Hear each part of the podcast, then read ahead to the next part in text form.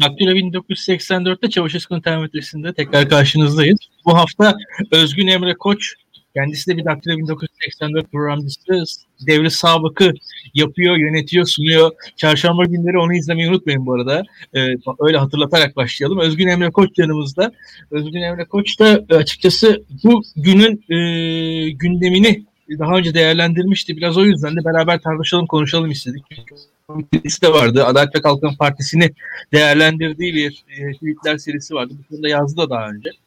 E, laiklik, dinselleşme üzerine tartışacağız. E, Diyanet İşleri Başkanı e, Erbaş'ın açıklamaları e, Türkiye'de Diyanet İşleri Başkanlarının standartlarının ötesine geçen açıklamalardı. Bizde daha öncesinde açıkçası Diyanet İşleri açıklamalarının e, klasik magazin yorumları vardı işte. Kabuklu deniz mahsulleri, işte haram mıdır, mekruh mudur falan tarzında böyle.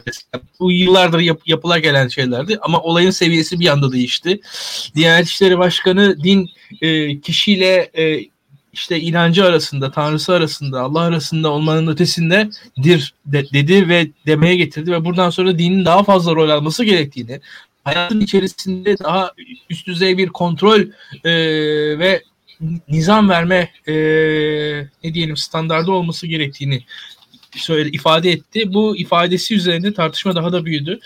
E, buna paralel aslında e, Ali Babacan'ın e, ve Deva Partisi'nin e, muhalefetin içerisinde aldığı pozisyon da buna paralel tartışılabilir gibi geliyor bana. Ama genelde tabii ki Türkiye'de laiklik meselesi var.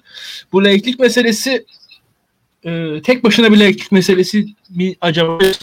E, yani hakikaten karşımızdaki Adalet ve Kalkınma Partisi iktidarının laiklikle olan meselesinin boyutu nedir? Bu, bu meselenin ne kadar samimi tarafı var, ne kadar samimi olmayan tarafı var? Ve karşımızdaki e, ne diyelim zümrenin amacı nedir hakikaten? Türkiye'de şöyle bir şey var. Bir yandan e, hep beraber şunu gördük. Afganistan'da bir dönüşüm yaşandı. Ve Afganistan'da yaşanan dönüşüm Taliban'ın tekrar e, iktidarının e, adının konması, Amerika'nın çekilmesi e, radikal İslamcı kesimlere bir zafer olarak yazıldı hanelerine öyle ya da böyle ve e, ne olursa olsun tekrar e, İslami siyaset tartışması başladı dünyanın birçok yerinde. E, bu tartışmaları e, Bilgehan hatırlar. Yani e, İran devriminden sonra tüm dünyada İslami siyaset tartışmaları başlamıştı. E, hatta biz IŞİD e, yükseldiği zaman, akşam İslam Devleti yükseldiği zaman hatta İngiltere'den büyük bir coğrafyayı kontrol ettiği sıralarda da böyle bir tartışmaya başladık. Global cihat nedir ne değildir? O insanları toplayabiliyor. O farklı bir vatandaşlık kurgusu kur, kurabilir mi falan diye tartışılmıştı. Ee, bir anda birçok yenilgi üstüne, üst üste gelirken hani şöyle söyleyelim Mısır'da İslami siyaset yenilmişken Tunus'ta bir şekilde darbeyle vesaire yenilmişken ki iktidarı tam alamamışlardı hiçbir zaman. Suriye'de iç savaşa e, açıkçası savaş içerisinde bir bataklık içerisinde kalmışken e, mesela Fas'ta seçim yenilgisi elde etmişken bir anda Afganistan'da e, bir Taliban zaferi e, siyasal İslam'ın bir şekilde edeyim tekrar bir heyecanlanmasını yani yol açtı diye düşünüyorum ben bir tarafında da.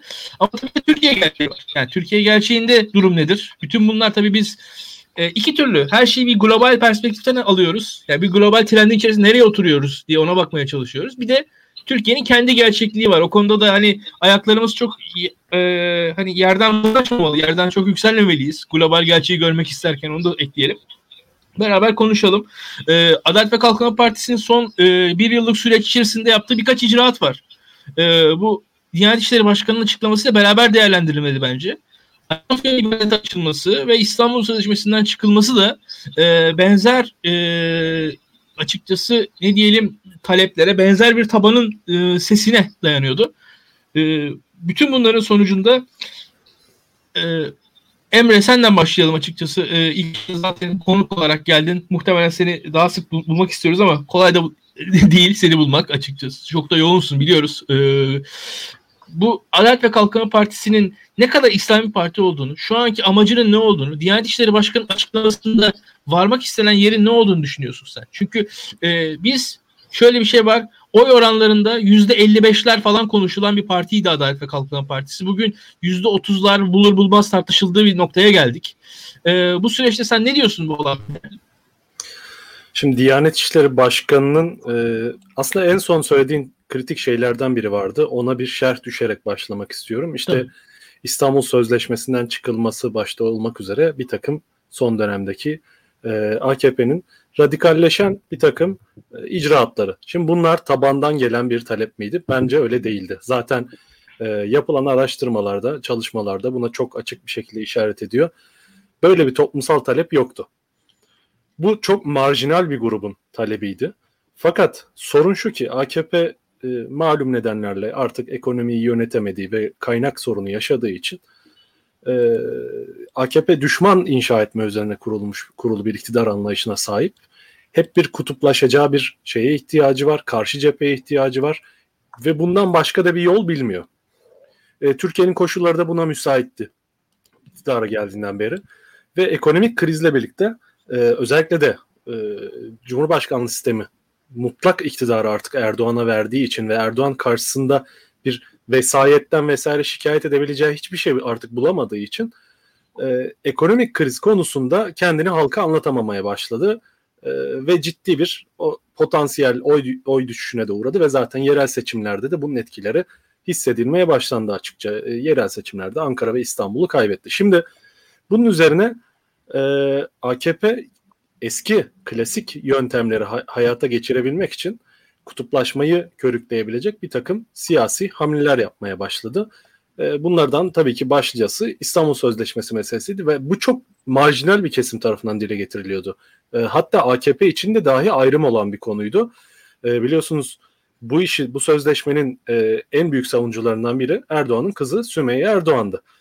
Fakat AKP içerisindeki daha radikal kanat ve AKP'ye eklemlenmeye çalışan işte e, ulema çevresi diyebileceğimiz bir takım İslamcı çevrelerden gelen tepkilerle e, adeta bu çok küçük azınlığın sesi sanki büyük bir toplumsal talep varmış gibi bu anlamda e, böyle lanse edildi ve neticede işte İstanbul Sözleşmesi'nin kaldırılması meselesi ni yaşadık ve e, seçim yaklaştıkça da ve oyları da zaman içerisinde eridikçe Erdoğan'ın en son artık piyasaya e, daha radikal söylemleri piyasaya sürmeye başladı ve Diyanet İşleri Başkanı'nın tabii ki bu kadar konuşması, her gün çıkıp bir yerlerde basın açıklaması yapması, işte Yargıtay açılışına e, davet edilip orada dua ettirilmesi vesaire bunlar e, tamamen planlı işler. Diyanet İşleri Başkanlığı'na birileri birisi yürü diyor, sen konuş diyor ve bu teşvik ediliyor. Çünkü e, AKP kaybettiği veya gevşemekte olan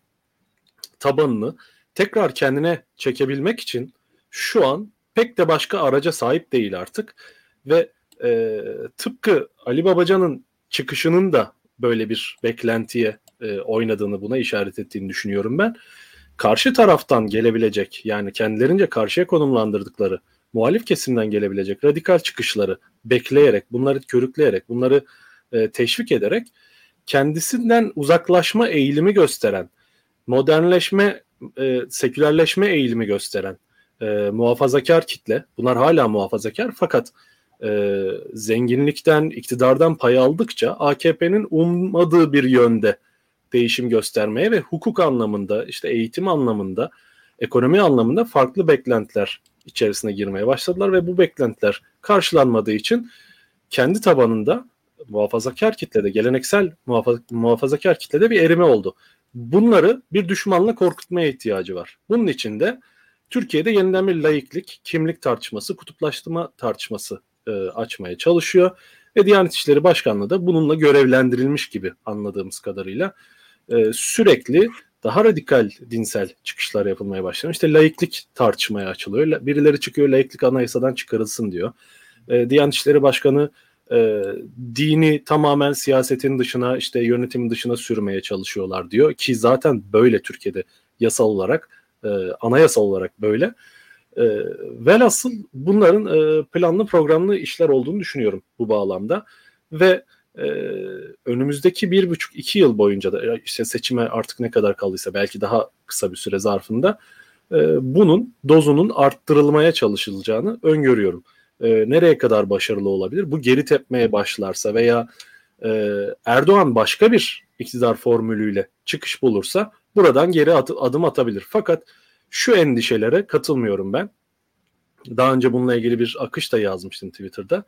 E, çok e, destek de aldı. Çok e, şey de gördü, muhalefet de gördü, eleştiren de oldu. Fakat şöyle olduğunu düşünüyorum ben. Erdoğan'ın dinle olan ilişkisi, hatta Erdoğan'ın içine bulunduğu geleneğin dinle olan ilişkisi, siyasi e, İslam diyebileceğimiz geleneğin dinle olan ilişkisi e, sanıldığı gibi çevresinde bulunan ulemadan farklı. Hatta ve hatta şunu söyleyebiliriz. Diyanet İşleri Başkanlığı e, tarikatlarla ciddi problemler yaşayan da bir kurum bir yandan. Çünkü onları denetlemek istiyor, onlar üzerinde e, bir takım e, yani devletin tahakkümünü onlar üzerinde kullanmak isteyen bir kurum. O yüzden tarikatlar tarafında bazı tarikatlar tarafından protesto edilen de bir kurum. Şimdi bu geleneğin dinle ilişkisi son derece pragmatik. Bu sadece e, yani bugüne özgü bir şey de değil. Cumhuriyet sonrasında özgü bir şey de değil. Osmanlı'dan itibaren mi böyle? Osmanlı'da 17. E, 18. yüzyıla kadar yani Rusya ile yapılan Küçük Kaynarca Anlaşması'na kadar e, hilafet ünvanı çok sembolik, onursal bir ünvandı. Küçük Kaynarca Anlaşması ile birlikte e, Rusların Ortodoksların hamisi olarak tanımlanmasının ardından Osmanlı'ya da Kırım Müslümanların hamisi sıfatı verildi ve böylece halifelik Osmanlı toprakları dışında bir e, topluluğun da e, siyasi liderliği doğru, konumuna doğru kullanılmaya başlandı Osmanlı ve işte bu gerileme çözülme döneminden itibaren hilafet işte e, parçalanmaya çözüm olarak Batı'nın karşısındaki gerilemeye çözüm olarak İslamlaşma, İslam birliği, pan-İslamizm siyasetleri yükselmeye başladı. Fakat bu siyaseti yüksel, yükselten e, bunu bir siyasi proje olarak devletin önüne koyan kişilerin kendileri bizzat zaten batılı formasyona, batılı kültürel e, kimliğe, böyle bir yaşantıya sahipti. Yani padişahından paşalarına kadar e, ekseriyeti böyleydi. Bunu bir e, bir enstrüman olarak kullanmak istediler. Fakat bu enstrüman tabii ki tutmadı, iflas etti. Osmanlı'nın dağılmasına kadar gitti bu süreç. Bugün e, talihin ilginç bir cilvesiyle Erdoğan kendi gerileme çöküş döneminde tekrar böyle bir e, İslamcılığı e, ön plana çıkarma ve bunun üzerinden kendi tabanını yeniden tahkim etme girişimine e, tanık oluyoruz. Kısaca böyle özetleyebilirim bu girişle ilgili. Tartışmayla bu konuyu derinleştirebiliriz. Tabii. Bilgehan sen ne diyorsun? Ya ben uzun zaman sonra çok net bir siyasal İslamcı tavır gördüm Diyanet İşleri Başkanı'ndan. Çok net. Yani İslam'ın hayatın e, siyasi, ekonomik ve sosyal alanlarında var olmasını arzu eden bir tavır. Çünkü AK Parti İslamcılık hikayesi biraz garip yani. İslamcı olmayan taraflar da var. Mesela Kürt meselesinde İslamcılık çok net bir şekilde AK Parti'yi eleştirebilir son 5 senede özellikle. Veya Suriye politikası İslamcıların e, düşüncesiyle çok müsemma değil. Yani özellikle Ahmet Davutoğlu'nun istifasından sonra. E, ve e, Adalet ve Kalkınma Partisi'nin e, İslamcılığı da böyle mutlaka başka bir meşruluk zemini arayıp onun arkasına sığınma İslamcılığı. Yani ya demokrasi ya sivilleşme ya milli güvenlik. Hani mesela Libya'daki ihvan bağlantılı gruplara destek vermek için mavi vatana yaslanmak zorunda. Anlatabiliyor muyum? Yani mutlaka başka bir şeyi de öne sürmek zorunda. E, dolayısıyla Türkiye'de bu siyasi İslam meselesi böyle çok net gümbür gümbür 90'ların Refah Partisi samimiyetiyle ilerlemedi AK Parti döneminde. Çok daha fazla karışık sinyaller vererek gitti ve başka kavramların arkasına gizlenerek ilerledi. E, Diyanet İşleri Başkanı'nın e, söylediği e, dinin hayatın birçok alanında hakim olması meselesi hakikaten e, son zamanlarda gördüğüm en net siyasal İslamcı çıkışlardan bir tanesi. Onu bir kere söylemek istiyorum. E, siyasal İslam bir tepki aslında. Yani geri kalmışlığa ve sömürgeciliğe karşı bir tepki. Ve siyasal İslam'ın normal Müslümana siyasetle ilgilenmek gibi bir rol biçtiğini biliyoruz. Yani namazını kılan, orucunu tutan, e, vecibelerini yerine getiren bir Müslüman eğer siyasetle ilgilenmiyorsa eksiktir. Onun siyasetle ilgilenmesi, siyasal bir tavra, tutuma sahip olması ve e, bir şekilde Müslümanların yaşadığı dünyada daha adil bir e, pozisyonda bulunması için çabalaması gerekir. E, o siyasal programı ise çizmekle yükümlü olan Siyasal İslamcı Parti'dir. Yani Siyasal İslamcı Parti siyasetin ne olduğunu, düşmanlığın, düşmanların, dostların, dostluğun her neyse bunun çerçevesini belirler ve Müslümanlar ancak siyasal İslamcı partinin bu programına tabi olursa Müslümanlık sıfatını elde eder. Yani Necmettin Erbakan'ın Refah Partisi'ne oy vermeyen patates dinindendir demesi aslında tesadüf değil. Çok doğru bir tespit siyasal İslamcılık açısından. Çünkü eğer İslamcı bir parti varsa, Müslümanın görevi siyasette ilgilenmekse, Müslümanın görevi aynı zamanda siyasal İslamcı partiyi desteklemektir. Desteklemediği zaman onun Müslümanlığı düşer. Şimdi bu noktada tabii siyasal İslamcı gruplar da ulema arasında ve tarikatlar arasında çok net bir ayrım ortaya çıktı. Çünkü ulema ve tarikatlar bir anda devlete bağlı. Ee, yani e, çok fazla siyasal programa sahip olmadan kendi otonomilerini korumaya daha eğilimliler. Yani devleti kim yönetirse yönetsin bizim özelliğimize müdahale etmediği sürece siyasal bir tutum almayız gibi bir e, durumdalar, bir pozisyondalar. E, ulema zaten sünni memleketlerde e, devlette çok e, hiyerarşik bir ilişki içerisinde. Yani Şiilerde mesela daha paralel bir din örgütlenmesi var. Dolayısıyla din kurumunun devleti denetleme imkanı daha meşru. Ama sünni topluluklarda açık söylemek gerekirse ulemanın siyasal bir pozisyonu var. Yani olumsallık durumu atfediliyor devleti yöneten kişiye ve o devleti yöneten kişinin bir kere iktisadi olarak kontrolü altındalar. İkinci olarak da onun hükümdarlığını devam ettirmesi aslında e, bir kaide. Yani İslam'da iktidarın nasıl değiştirileceğine dair çok net bir doktrin olmadığı için hani belli yaşın üstünde akıl sağlığı yerinde erkek kelime-i şehadet getirmiş Müslüman kişi eğer liderse onun liderliğini kabul etmek zorunda kalıyorsunuz ve ona karşı çıkanlar da hani din düşmanı olarak çok kolay bir şekilde yaftalanabiliyorlar. Ulema orada kritik bir rol oynuyor. Yani mevcut iktidarı desteklemek açısından. Tarikatlar da aynı şekilde. Yani çok fazla otonom hareket edemiyorlar. O yüzden siyasal İslamcılar ilk sahneye çıktıkları zaman aslında sekülerler kadar bu uyumlu, uysal tarikatları ve ulemayı da karşılarına aldılar. Çünkü siyasal İslamcılar Olivier Roy'un söylediği gibi aslında dini bilgisi eksiksiz insanlar değil. Yani kusursuz dini bilgileriyle öne çıkan insanlar değil. Hatta siyasal İslamcıların ilk kuşağı e, yurt dışında mühendislik eğitimi görmüş. E, takım elbiseli ve İslam'ın kalkınmayla, gelişmeyle çakışmayacağını, yani pardon çatışmayacağını söyleyen, İslam'ın terakkiye mani olmadığını söyleyen, İslam'ın özünün aslında benimsendiği takdirde bu toplumların, İslam toplumlarının ileriye gitmesinin mümkün olduğunu söyleyen insanlar.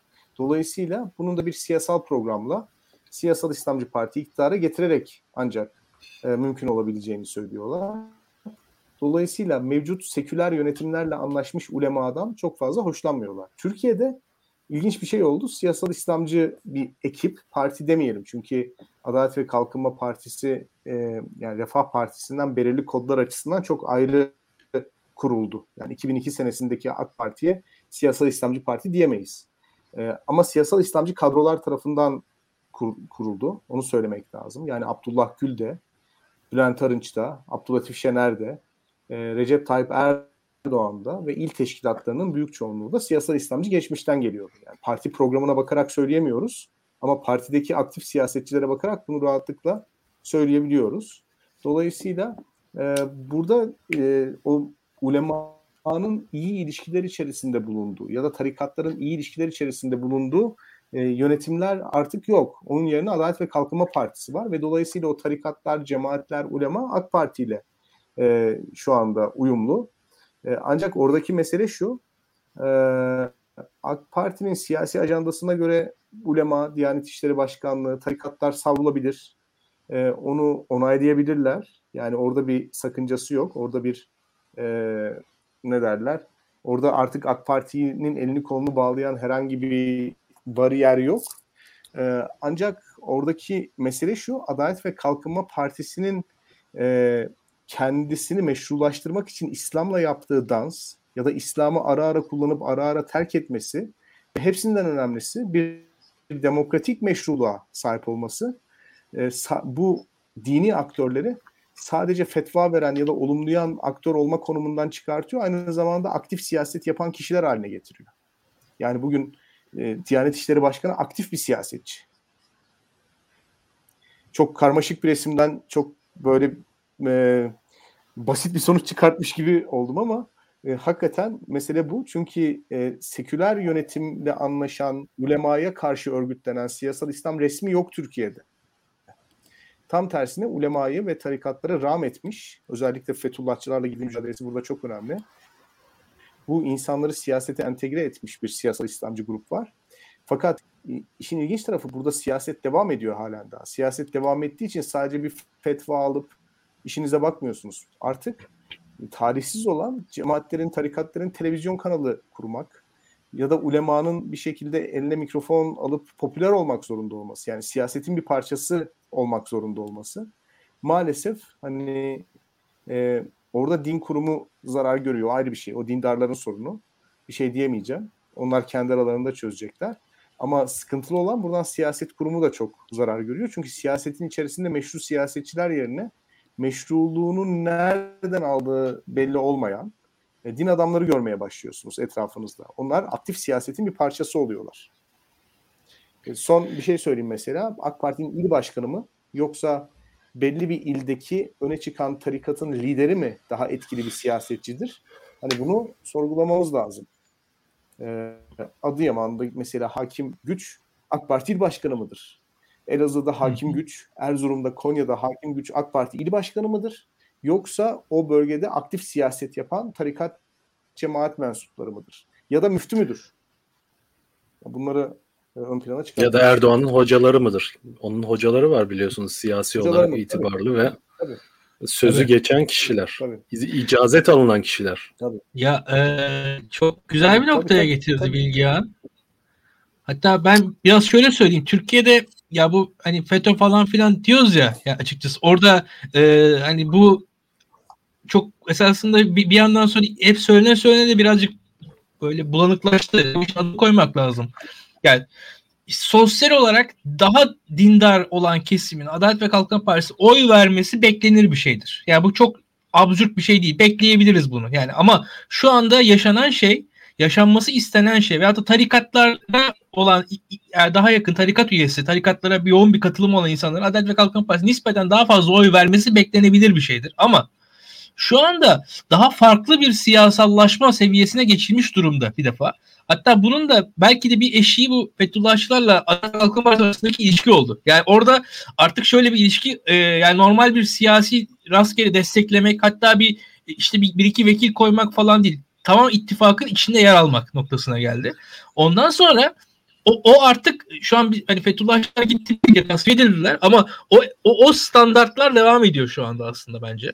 Ve yani şu anda siz mesela şöyle düşünün bir e, dini yapısınız diyelim. Bir Orta Boy Anadolu şehrinde etkinsiniz ve yani sizi takip eden insanların önemli bir kısmı Adalet ve Kalkınma Partisi olabilir ama siz de birinci elden müdahil olmak istemiyorsunuz. Ya böyle bir alan yok artık yani. Hani bir defa bunu bunun adını koymak lazım açıkçası. Ya orada ya çıkıp sizin şu anda e, Ekrem İmamoğlu'nu eleştirmeniz gerekiyor bir yandan da. Yani bir, bir şekilde bir şey söylemeniz gerekiyor. Artık orada e, bir destek yetmiyor. Yani şu anda artık hani o tırnak içinde söyleyeyim e, Fethullah ya şey demişti işte mezardakileri kaldıracağız oy verdi. O, o artık yani standart. Hala altın standart o haline gelmiş durumda şu an. Yani burada e, bir defa şey hani yani normal olarak yani siz daha işte tarikat üyesi vatandaşlar daha oy verirler falan denebilir, beklenebilir o, o yetmiyor artık. Yani ki şu anda mesela Furkan Vakfı'nın falan yaşadıklarını da ben biraz bu açıdan anlamlı görüyorum yani onu da söyleyeyim. Ee, burada tabii, tabii. Türkiye'de yani e, bence yani artık e, Diyanet işlerinin de yani Türkiye'de mesela hep şey denir. Diyanet işleri her zaman iktidarın e, işte o hiyerarşisi içerisinde Türkiye'de yani dünyadaki o sünni ulemanın olduğu tavırla beraber e, hükümetin bir aparatıdır. E, evet eskiden de bir aparatlık hali vardı ama eskiden olan şeyle bugün olan şeyin ben aynı olduğunu düşünmüyorum. Yani ben hiçbir zaman e, yani şöyle söyleyeyim en azından mesela Adalet ve Kalkınma Partisi döneminde Ali Bardakoğlu'nun pozisyonu ile Ali Erbaş'ın pozisyonu arasında dağlar kadar fark olduğunu düşünüyorum. Yani Ali Bardakoğlu'nun pozisyonu asla gidin CHP oy verin pozisyonu falan değildi. Ama yani şu anki pozisyonla onun arasında 180 derece fark olduğunu inanıyorum bir defa. Yani hani e, bu çok çünkü, basitçe düşünün. Adalet ve Kalkınma Partisi'nin pozisyonu değişti abi. Yani Orada din yani Ali Bardakoğlu daha bağımsız olduğu için öyle konuşmuyordu. Yani ben hani orada şöyle bir şey söyleyeyim. Yani Ali Erbaş daha bağımlı, Ali Bardakoğlu daha bağımsız gibi bir durum yok. Bence Diyanet'in görüşünü, politikasını siyasal iktidarın politikası ve görüşü tanımlıyor. Yani o zaman ihtiyaç olan başka bir koalisyondu. O zaman başka bir koalisyon inşa edilmek isteniyordu. Ali Bardakoğlu'nun oynaması rol, oynadığı rol o inşa edilmek istenen koalisyona daha uygundu. Ve ona yardımcı oluyordu. Yani bugün baktığımız zaman Bardakoğlu'nun daha ılımlı gelme sebebi AK Parti'nin o dönem daha ılımlı olma ihtiyacının sonucu. Bugün de yani Emre orada doğru bir şey söylüyor. Ee, Ali Erbaş'ın bugün söylemlerini Ali Erbaş'ın kişiliğiyle ya da Diyanet'in hükümetle olan ilişkisiyle falan açıklayamayız. O doğrudan AK Parti'nin, hükümetin siyasi ajandasının bir sonucu bana sorarsan. Burada e, İslam'ın geleneksel anlamda İslam düşüncesinin devletle olan ilişkisine birazcık da değinmek gerektiğini düşünüyorum. Ki bugünkü e, AKP etrafında kömelenmiş olan e, dini grupların, e, Diyanet'in genel olarak Türkiye'deki laiklik ve işte sekülerleşme tartışmalarının bu anlamda nereye oturduğunu anlamak açısından, e, neyle karşı karşıya olduğumuzu anlamak açısından önemli olduğunu düşünüyorum. Şimdi e, dediniz ya hani 90'larda falan vardı 2000'lerin başına kadar yani aslında yakın zamana kadar devam etti. Abi siyasete girmeyelim. Biz e, tasavvufi alanda kalalım diyen bir takım tarikatlar vardı ve her gelen hükümetle bir şekilde bugüne kadar e, CHP hükümetleri hariç tutabiliriz belki ama çoğunlukla merkez sağ hükümetlerle iyi anlaşmaya çalışmıştı çoğu e, tarikat grubu.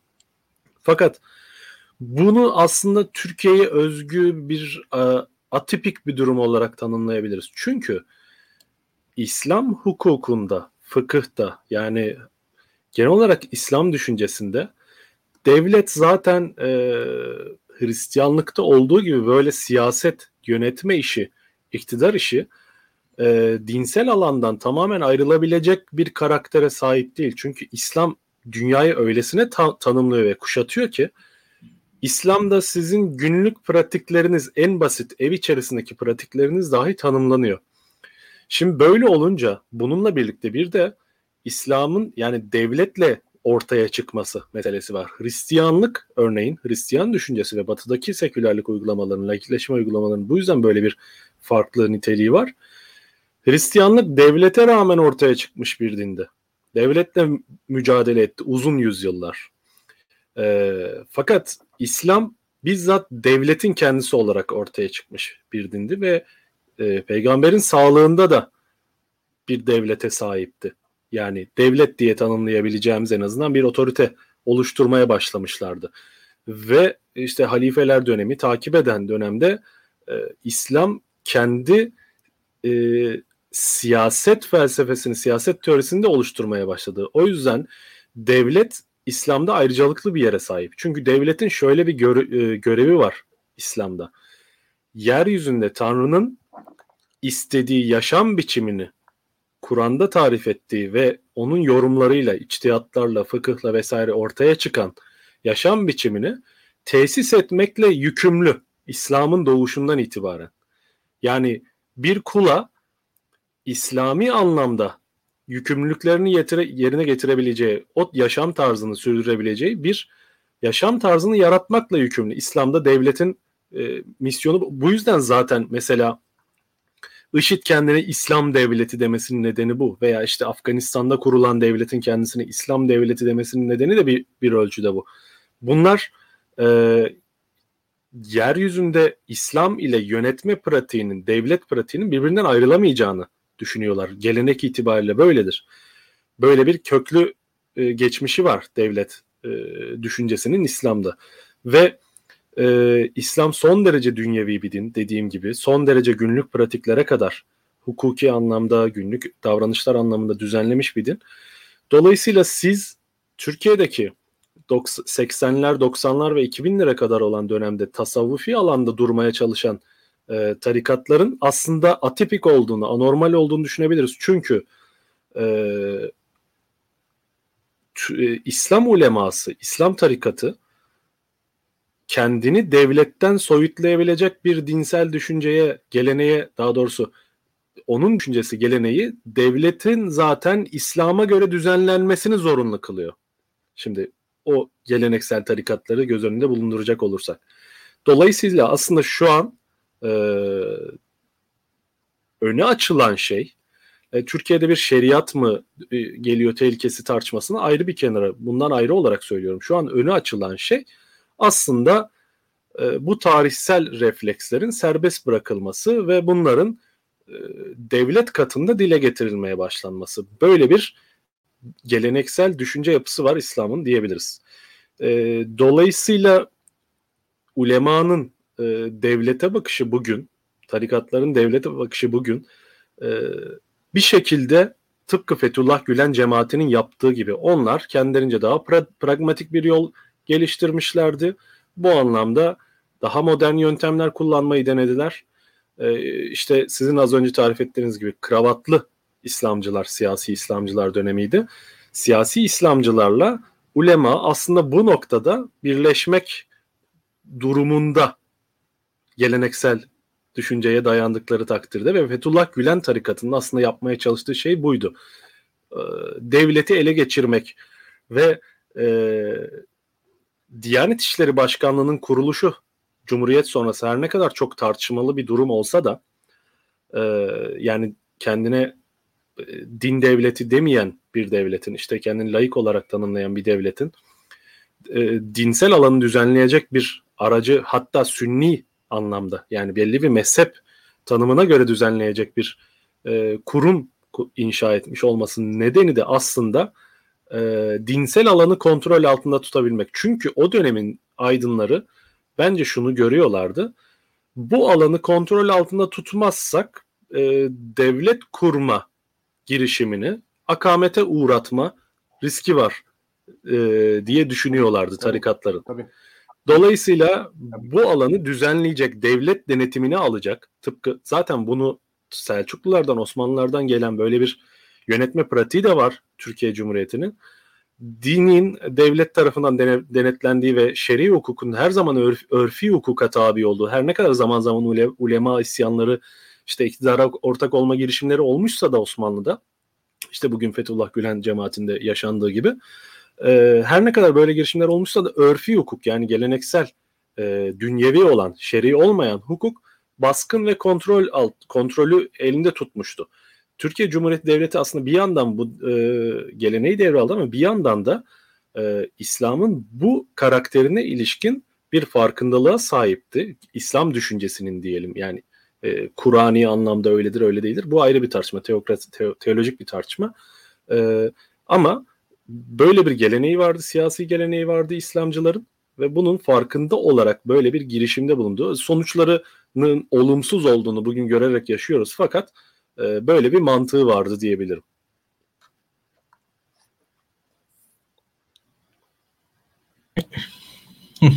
e, açıkçası ben burada sanırım sizin ikinizden biraz ayrışan bir noktadayım. Birazcık daha e, Adalet ve Kalkınma Partisi'ni e, ve Adalet ve Kalkınma Partisi ben size göre daha fazla e, siyasal İslami çizgi içerisinde tanımlayan bir noktadayım. Sizin analizleriniz de tabii kendi içinde değerli. E, genelde yakınız ama o konuda biraz farklılaşıyoruz gibi geliyor bana. Onun haricinde e, şöyle söyleyelim. E, Türkiye'de e, bu peki e, bir de şöyle bir durum var. Bu konu nasıl siyasi alanda? Yani biz mesela hep beraber muhalefet içerisindeyiz. Muhalif e, olduğunu söyleyen, öyle ya da böyle bir şekilde elinde mikrofon olabilen insanlarız. Elinde eline kalem alabilen, buna bir mecra bulabilen insanlarız. Fakat konu İslam olunca da e, Adalet ve Kalkınma Partisi'ne itiraz etmek kolay değil. Yani burada öyle ya da böyle bakıldığı zaman Türk halkı %99'u Müslüman bir halk deniyor. Yani öyle ya da böyle sonuçta kök, kök olarak Müslüman yani kültürel olarak Müslüman bile yani bir şekilde vecibeleri yerine getirmese bile e, isimlerimiz İslami isimler, e, ailemiz İslami aileler bir şekilde kendimiz olmasa bile en azından e, babaannelerimiz, dedelerimiz bir şekilde İslami uygulamaların, e, ibadetlerin içerisinden gelmiş insanlar. En sekülerimizde bile bu var. E, böyle baktığımız zaman e, diyoruz Türkiye Cumhuriyeti layık devlet ama ilk kurduğu kurum Diyanet İşleri Başkanlığı bir şekilde e, sonuçta bir dini yorum en azından o en azından daha modern olabilecek bir dini yorum arama çabası var Türkiye Cumhuriyeti'nin kökünde. Onu onu görebiliyoruz. Bir şekilde e, en modern olabilecek yorumu bulmaya çalışmış.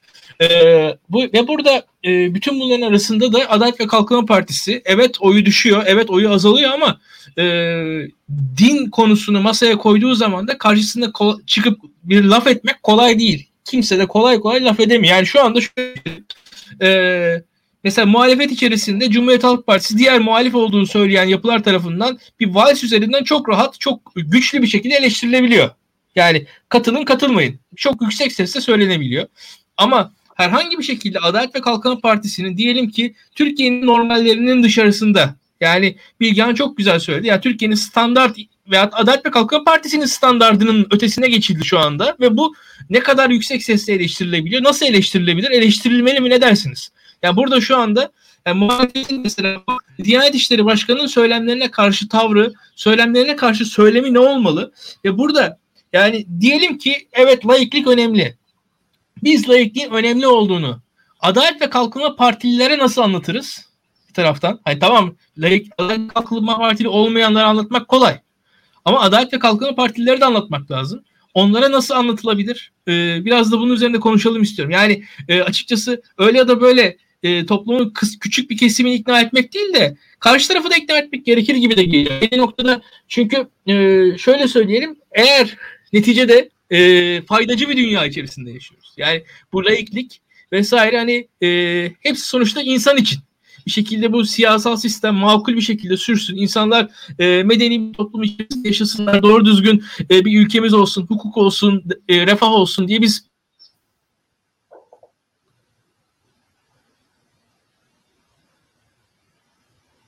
kesildi galiba.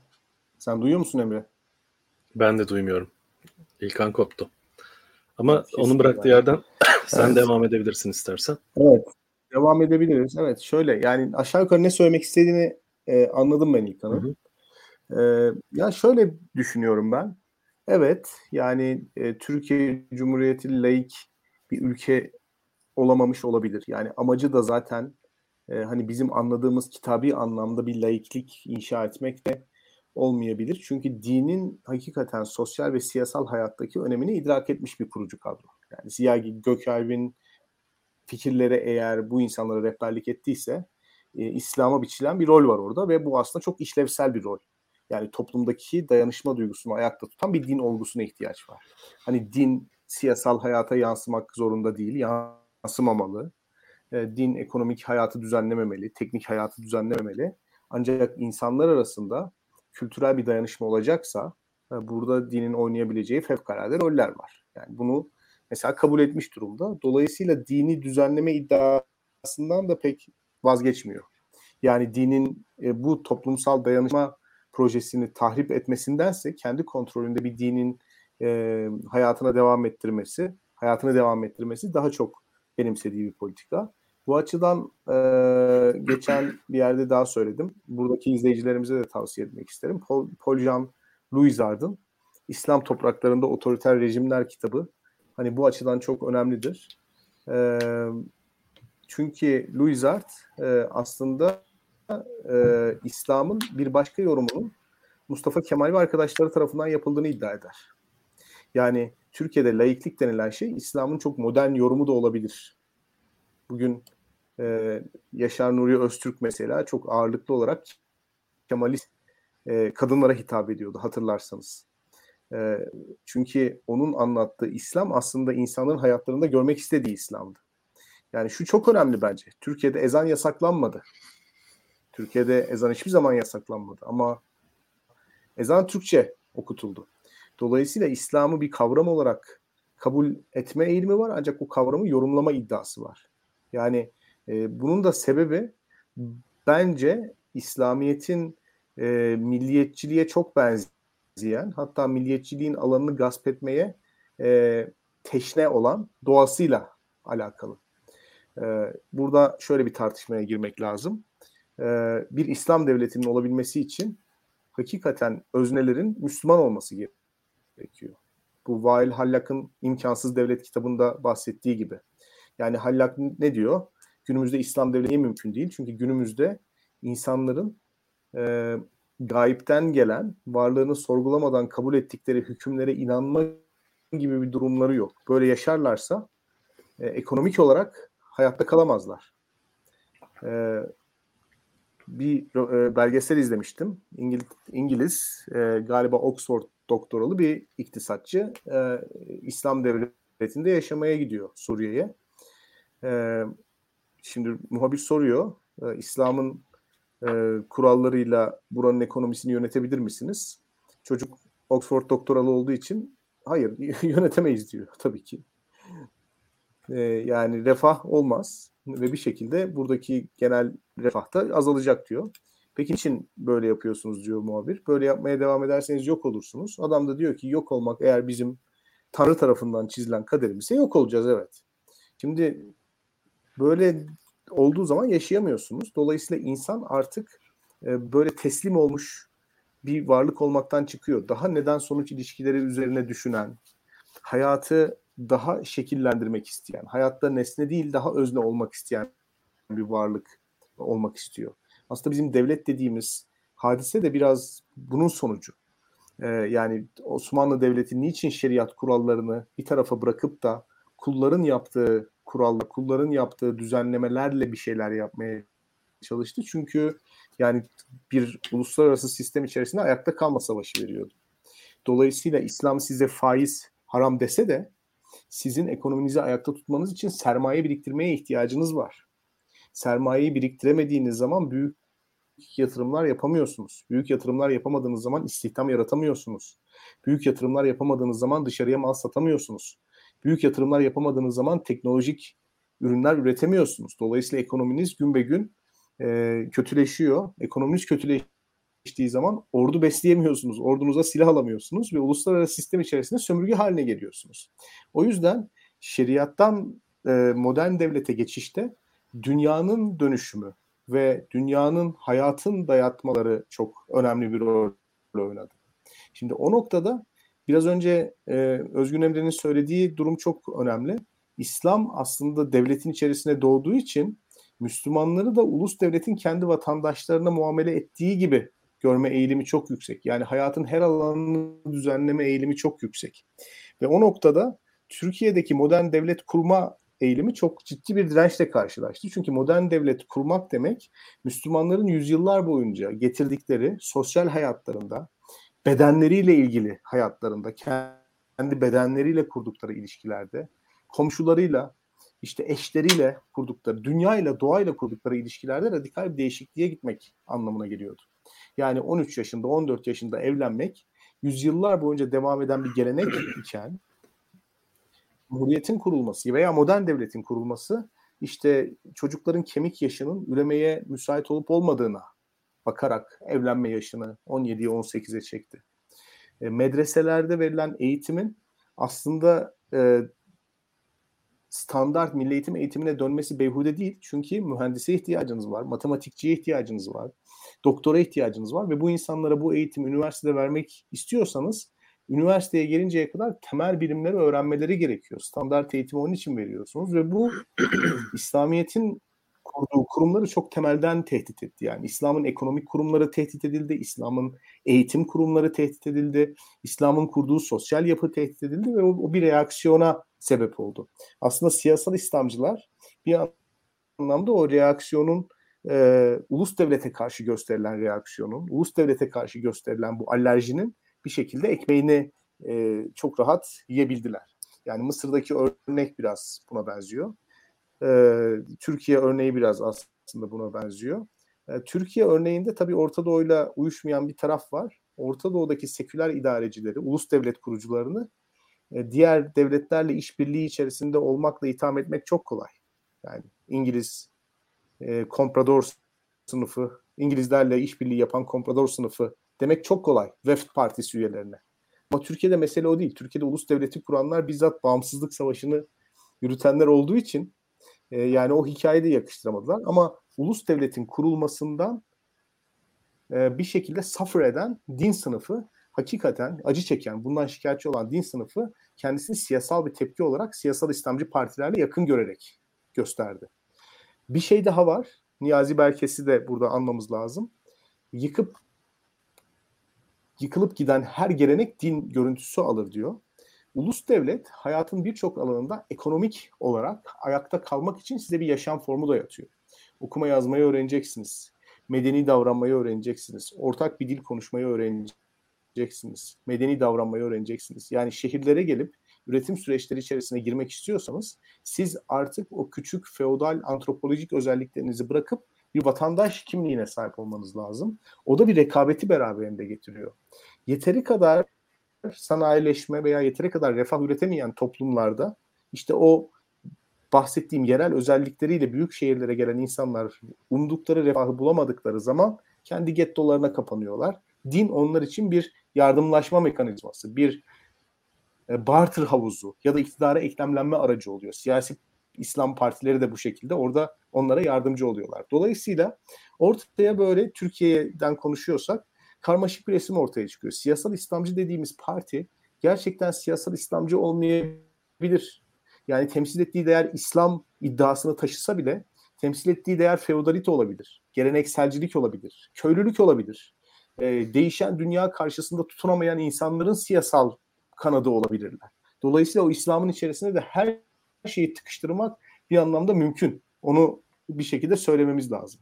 İslam da doktrin olarak, siyasal doktrin olarak bu lidere gerçekten çok denetlenemeyen bir yetki verdiği için bir olumsallık şeklinde onun her türlü pragmatizmi, her türlü esnekliği o temsil ettiği karmaşık grup tarafından tabii ki tasdik edilecek. Ya ona karşı çıkmak çok cesaret isteyen bir şey. Bu da bana sorarsanız AK Parti'ye benzer yapılar üretir dünyanın her yerinde. Yani neyi temsil ettiği belli olmayan, İslam'ı mı, köylülüğü mü, rekabete dayanamayan, kırılgan yerelliği mi? Bunların hepsinin temsili bir şekilde bize İslam gibi gözüküyor. Çünkü yeni dünyada bunların yeri yok. Ve AK Parti aslında ve onun gibi partiler bunların temsilcisi, bunların siyasetini yapıyorlar. Demokratik olarak biraz fazla oy almalarının sebebi de o bence.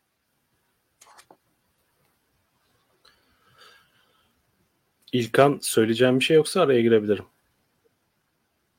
Sen devam et Özgür.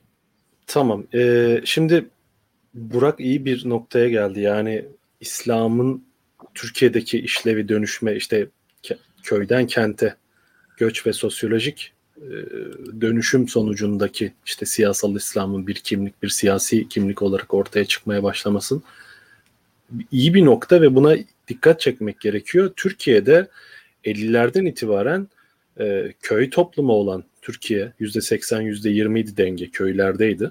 50'lerden itibaren makineleşme işte kentler yani köylüler köydeki topraklardaki çalışan köylülerin işsiz kalması vesaire gibi gerekçelerle ve şehirlerdeki sanayi ihtiyacında e, doğurduğu gerekçelerle köylüler şehirlere gelmeye başladı ve ilk gettolar oluşmaya başladı. Aslında ilk gettolar 40'larda oluşuyor bildiğim kadarıyla. Fakat e, gece konulaşma fakat 50'lerde büyük bir hız kazanıyor. 60'lar, 70'ler, 80'ler birkaç dalga halinde köye köyden kente geliş var. Ve bu gelişlerde ilk başta e, kentler, büyük kentler e, gelen nüfusu kendi içine masa edebildi, asimile edebildi. Yani kentlileştirebildi belli ölçüde. Kentleştirebildi mi veya şehir hayatına adapte edebildi. İşte açıkçası ben de bunlardan biriyim. ikinci jenerasyon. Yani bir, bir jenerasyon öncesinde benim ailem de köyden kente gelmiş. Yani Türkiye nüfusunun aslında büyük çoğunluğu böyle çünkü köylü bir nüfustuk biz. Fakat e, bu nüfus o kadar büyüdü ki 70'lerde 80'ler özellikle 70'lerden itibaren o kadar büyüdü ki kentler bu nüfusu e, çeperinde, periferisinde oluşmaya başlayan bu nüfusu taşıyamamaya başladı ve sosyal gerilimler başladı. İşte bu sosyal gerilimlerin ilk evresinde 60'ların sonunda ve 70'lerde özellikle e, gecekondu mahallelerinde önce sol örgütlüydü ve sol güçlendi buralarda. Buralardan ciddi bir insan kaynağı elde etti. Fakat buna karşı sistemin ilk tepkilerinden birisi Türkiye'de e, modernleşmeye öykünen, kentli yaşama öykünen ama onun bir türlü parçası olamayan insanların ızdırabının bir ifadesi olarak ilk önce arabesk güçlenmeye başladı. 70'ler 80'lerde arabesk doruk noktasına ulaştı. Ee, ve yavaş yavaş 80'lerden itibaren kentler kendi içine göçmeye ve köy sosyolojisi, kasaba sosyolojisi kenti ele geçirmeye fakat kendi kimliğini de yitirmeye başladı. Bir yandan kenti e, kentin kendi var olduğu, kendi sahip olduğu insicamı, kent yaşamını çökertti. Fakat kendi köylü kasabalı kimliğini de kaybetti ve ortaya değişik Frankenstein bir yapı çıkmaya başladı. Ee, işte bu yapı 80'lerden 90'lardan itibaren özellikle 12 Eylül'den sonra 12 Eylül darbesinin Türkiye'deki e, toplumsal gerim, gerilimleri dinle e, kontrol altına alma örtülü girişimlerinden sonra 80'lerden 90'lardan itibaren de işte e, Refah Partisi geleneğinin giderek güç kazanmaya başladığını ve siyasal İslam'ın bir kimlik olarak e, devlete daha fazla nüfus etmeye başladığını görüyoruz. Belki 12 Eylül bunu öngördü, öngöremedi. Bence öngöremediler. Fakat neticede 12 Eylül'ün açtığı kapıdan giren bu e, sosyolojik yapı tamamen iktidar oldu ve kendi devletini kurdu. Yani Türkiye'de aslında e, siyasal İslam'ın böyle bir sosyolojik kaynağı da var. Kasabadan gelen ve kenti çökerten nüfus kentli olamadı. Kendi e, kimliğini de kaybetti ve yeni bir arayışla e, siyasal İslam'da yavaş yavaş kendi ifadesini bulmaya başladı. Fakat bugün geldiğimiz noktada farklı bir artık seviyedeyiz. Türkiye artık bir köy devleti değil, köy, köyünün yaşadığı bir köy ülkesi değil. Ee, ezici çoğunluğu %80-90'ı Türkiye nüfusunun artık kentlerde ve sanayi bölgelerinde yaşıyor. Yani CHP'nin yerel seçimlerde örneğin e, birkaç büyük şehri, önemli büyük şehri almasıyla Türkiye nüfusunun %60 küsürünü zannedersem e, şu an CHP yönetir hale geldi. Yani nüfus büyük ölçüde şehirlerde ve artık ikinci, üçüncü kuşak köyden geldikten sonraki ikinci, üçüncü kuşak e, siyasal İslam'ın geleneksel söylemleriyle e, kolay kolay ikna edilememeye başladı. Zaten AKP'nin krizi de burada başladı bence 2010'lardan itibaren. Kendisinin e, şu meşhur merkez çevre e, kuramıyla Türkiye'nin işte mer- çevredeki nüfusunun çevredeki çevre elitlerinin, merkez elitlerin yerini alması, merkeze geçmeye başlamasıyla Türkiye'nin demokratikleşeceği tezi e, tabanda bir sekülerleşme, modernleşme olarak e, cereyan ederken aslında o muhafazakar gelenekten gelen insanlar açısından modernleşme, hukuk, e, öngörülebilir bir hukuk sistemine sahip olma, çocuklarını İmam Hatip'e değil de iyi üniversiteleri yurt dışına gönderme, e, ekonomik anlamda öngörülebilir, yatırım yapılabilir bir ortam yaratabilme beklentisi oluştururken e, devlet katında aslında e, tam aksine de bir otoriterleşme sonucu doğurdu. Çünkü otoriterleşme e, işte son dönemde artık ifadesini daha berrak bir şekilde ifadesini göstermeye başlayan şey AKP kendi doğal tabanından kopmaya başladı ve bunu kaybetmemek için can havliyle e, tekrar siyasal İslam vurgularını yükseltmeye başladı. E, ulemayı, tarikatları kendi çeperine davet ediyor. İşte onların marjinal grupların taleplerini yerine getirmeye çalışıyor İstanbul Sözleşmesi'nde olduğu gibi. Bir kriz halinde ve e, netice itibariyle bugün artık muhafazakar kö- kasabadan gelmiş, köyden gelmiş muhafazakar kitleler e, özellikle bunların çocukları işte bugün Z kuşağı vesaire dediğimiz kesim AKP'den uzaklaşmaya başka yani kendi dini kimliklerini, yaşam biçimlerini, giyim tarzlarını vesaire korumakla birlikte yaşam yaşamdan beklentileri hiç de Ali Erbaş'ın tarif ettiği gibi işte biz kulluğumuzu unuttuk vesaire. Bu insanların böyle dertleri yok. Bu insanların dertleri işte imam hatiplere kayıt insanlar imam hatiplere kayıt yaptırmıyor çocuklarını. Çok or- belli ne bekliyorlar? İyi bir eğitim alsın. E, batılı tarzda bir eğitimle sahip olsun. E, dünyada rekabet ede, dünyadaki iş gücüyle rekabet, rekabet edebilsin.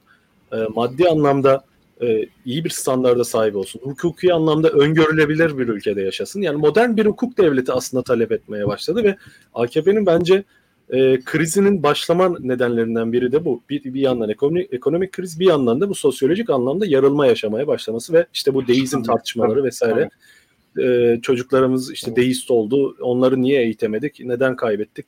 Nerede hata yaptık? Tartışmaları da birazcık bu aslında Kopuş'un kendileri tarafından fark edilmeye başlamasına kaynaklanıyor diyebilirim. Ee, ben birkaç Hatta şey, şey ekleyeyim. Ben. Ha, tamam tamam abi. Tabii. Ya e, ben birkaç şey ekleyeyim. Bir defa e, neden e, laiklik önemli diye ben size sormaya çalışmıştım. Sorabildim mi soramadım mı bilmiyorum da. E, şu açıdan şöyle gideyim. E, bir defa yani İslam tarihine bakarsak mesela şu an Türkiye'deki genel kabul içerisinde bile ne deniyor? Dört tane hak mezhep. İşte dört tane farklı fıkıh yorumu Türkiye'de genel kabul görebiliyor bizim diyanet işlerimiz tarafından. Hanefi asıl olmak kaydıyla bile diğer yorumlarda Türkiye'de kabul gören yorumlar, seçilebilen yorumlar. İşte klasik o kabuklu deniz mahsulleri falan konusunda bile bundan konuştuk. Şimdi şu anki dünya içerisinden ben baktığım zaman yani şu anki dünyada din oluşmuş olsaydı acaba ne olurdu diye düşünüyorum. Kesinlikle dört farklı yorumun da kabul olabileceği bir dünya olmazdı. Tek standart olurdu. Şu anki dünya öyle bir dünya. Yani çünkü bir defa matbaanın olduğu, iletişimin olduğu, televizyonun olduğu, bilginin dağıldığı ve bilginin standart olarak çok rahat dağılabildiği bir dünya içerisinde şu an yaşıyoruz. Şu an e, Adalet ve Kalkınma Partisi'nin kendi dini yorum, bir dini yorumu şu an elindeki imkanlarla çok sert bir şekilde dayatma imkanı var. Bir defa bu yüzden dinin kendisi içerisinde içi, içinde de çok ciddi bir tehlikedir şu anda yapılan şey. Bir bunu önce, önce öncelikle bunu ekleyeyim. Yani şu anki hayatın içerisinde dini bir yükseliş olduğu anda tüm alternatif dini yorumları ezen bir yükseliş olacaktır. Bu tek başa dini bir yükseliş olmayacaktır. Dinin bir yorumunun yükselişi olacaktır ve tüm alternatif yorumları da varlığıyla ezecektir. Çünkü şu anki modern imkanlar içerisinde siz farklı yorumlara kolay kolay yer bırakmazsınız. Ya bunu bunu görmek zor değil. Yani bunu görmek hiç zor değil diye düşünüyorum. Ee, ve yani burada farklı yorumların e, alanları bir defa te- teknik olarak kalmayacak. Ben burada zaten ilk başta biraz ondan bahsetmeye çalıştım. Yani gayet dindar 90'larda e, Refah Partisi'ne belki %90 oy vermiş e, yapılar vardı ve bu yapılar çok da fazla bağırarak çağırarak Refah Partisi oldukları göstermek zorunda değillerdi. Şu an artık göstermek zorundalar. Yani bir şekilde ya ben de siyasette o kadar fazla ilgilenmiyorum diyemez şu an. Herhangi bir dini yapı. Yani şu an alternatif minimum sapmaların hiçbir alanı kalmamış durumda. Yani şu anda bu açıdan ilk başta şöyle söyleyelim. Diyanet İşleri Başkanı'nın tavrı Türkiye'de bir sıkıntıdır. Yani benim hayatımın içerisinde çok basit gördüğüm bazı şeyler var. Mesela işte e, Burak Bilgehan şu an elektronik sigara vesaire bir şeyler deniyor. Yani şu an sigara haram mı mekruh mu bu, bu tartışma bile yani benim ya, benim ömrüm içerisinde değişti. Ya bu bu bakışlar e, sıkıntı yaratır diye düşünüyorum. Yaratacağını da öngörebiliyorum kendi adıma.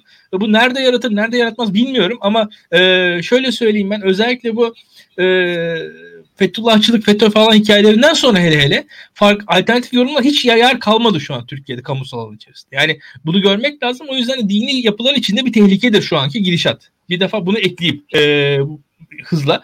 Onun dışında e, yani bizim e, Özgün Emre'nin yorumları tabii ki tarihsel olarak doğru şeyler. Yani, hani, e, yani Türkiye'de sosyalleşme vesaire ama ona da şöyle bir şey eklemek lazım.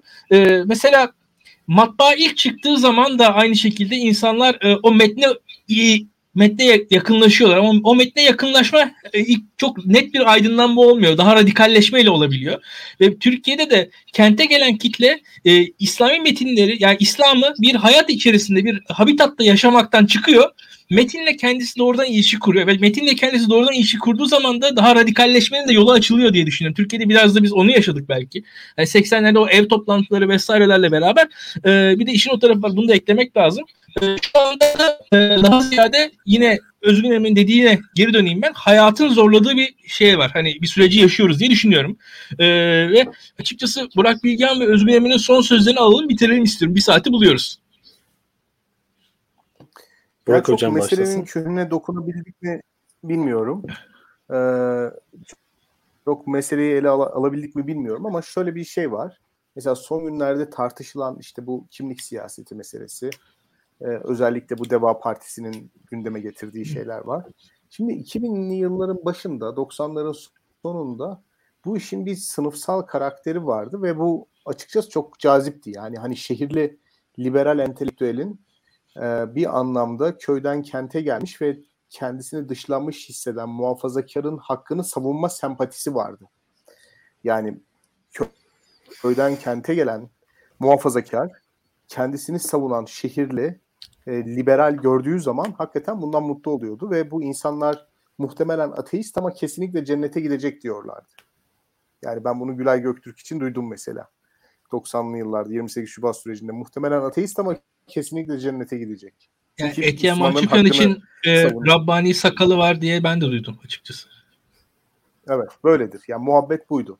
Şimdi tabii o zamanki sosyoloji bunu kaldırıyordu çünkü hani Anadolu'dan büyük, büyük şehirlere gelen insanlar hakikaten büyük bir arabesk bir dışlanmışlık yani arabesk bir uyumsuzluk içerisindeydi. Hani o arabesk filmlerinde gördüğümüz seküler, şımarık, zengin kız ve fakir işte arabesk türkücüsü e, ikilemini kendi hayatlarında bizzat tecrübe ediyorlardı. Şimdi mesela bakıyorum 2021 senesinde bu işi dile getirenler işte muhafazakar orta sınıf meselesi. Onların gençleri meselesi. Çok sakil kalıyor arkadaşlar. Çok sakil. Yani çünkü artık iletişim teknolojileri mi dersiniz bunun ismine ya da şehirlerin kalabalıklaşması, kuşak değişimi mi dersiniz? Ee, bir şekilde o abartılan uçurumun sekülerlerle gelenekselciler arasında, modernlerle gelenekselciler arasında, sekülerlerle muhafazakarlar arasında o abartılan uçurumun aslında olmadığı gözüktü. Yani İlkan mesela bana hak verecektir burada. 90'ların magazin dünyası son derece parıltılıydı yani. Hani ünlü olup magazin sayfalarına çıkan birisi çok uzaylı gibi bir şeydi yani. Hani o dünyanın içinde olmak, o şaşanın içerisinde olmak çok önemli bir şeydi.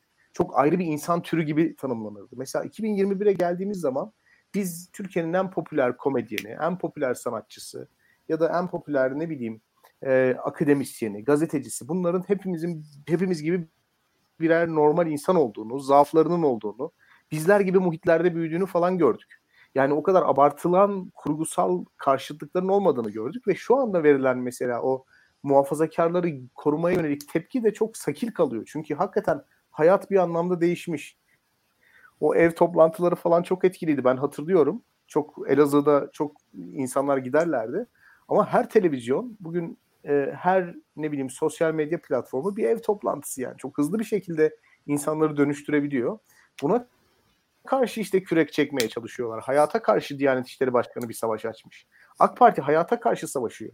Yani hayatın dönüşümüne karşı bir savaş açıyor ve İslam olarak tanımladıkları şeyin içerisine her şeyi sokuyorlar. Erkek egemenliği, işte erkeğin kadına yönelik şiddeti, işte ne bileyim e, yolsuzluklar, işte ne bileyim dış politika, İlibya'daki ihvan da yani İslam'ın içerisine sokmadıkları şey yok.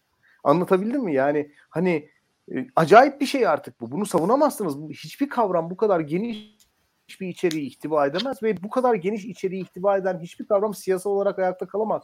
Çünkü çok güçlüymüş gibi gözükseniz bile çok fazla açığınız vardır. Her neyse mevzu uzun. Ben bu kadar bitireyim burada.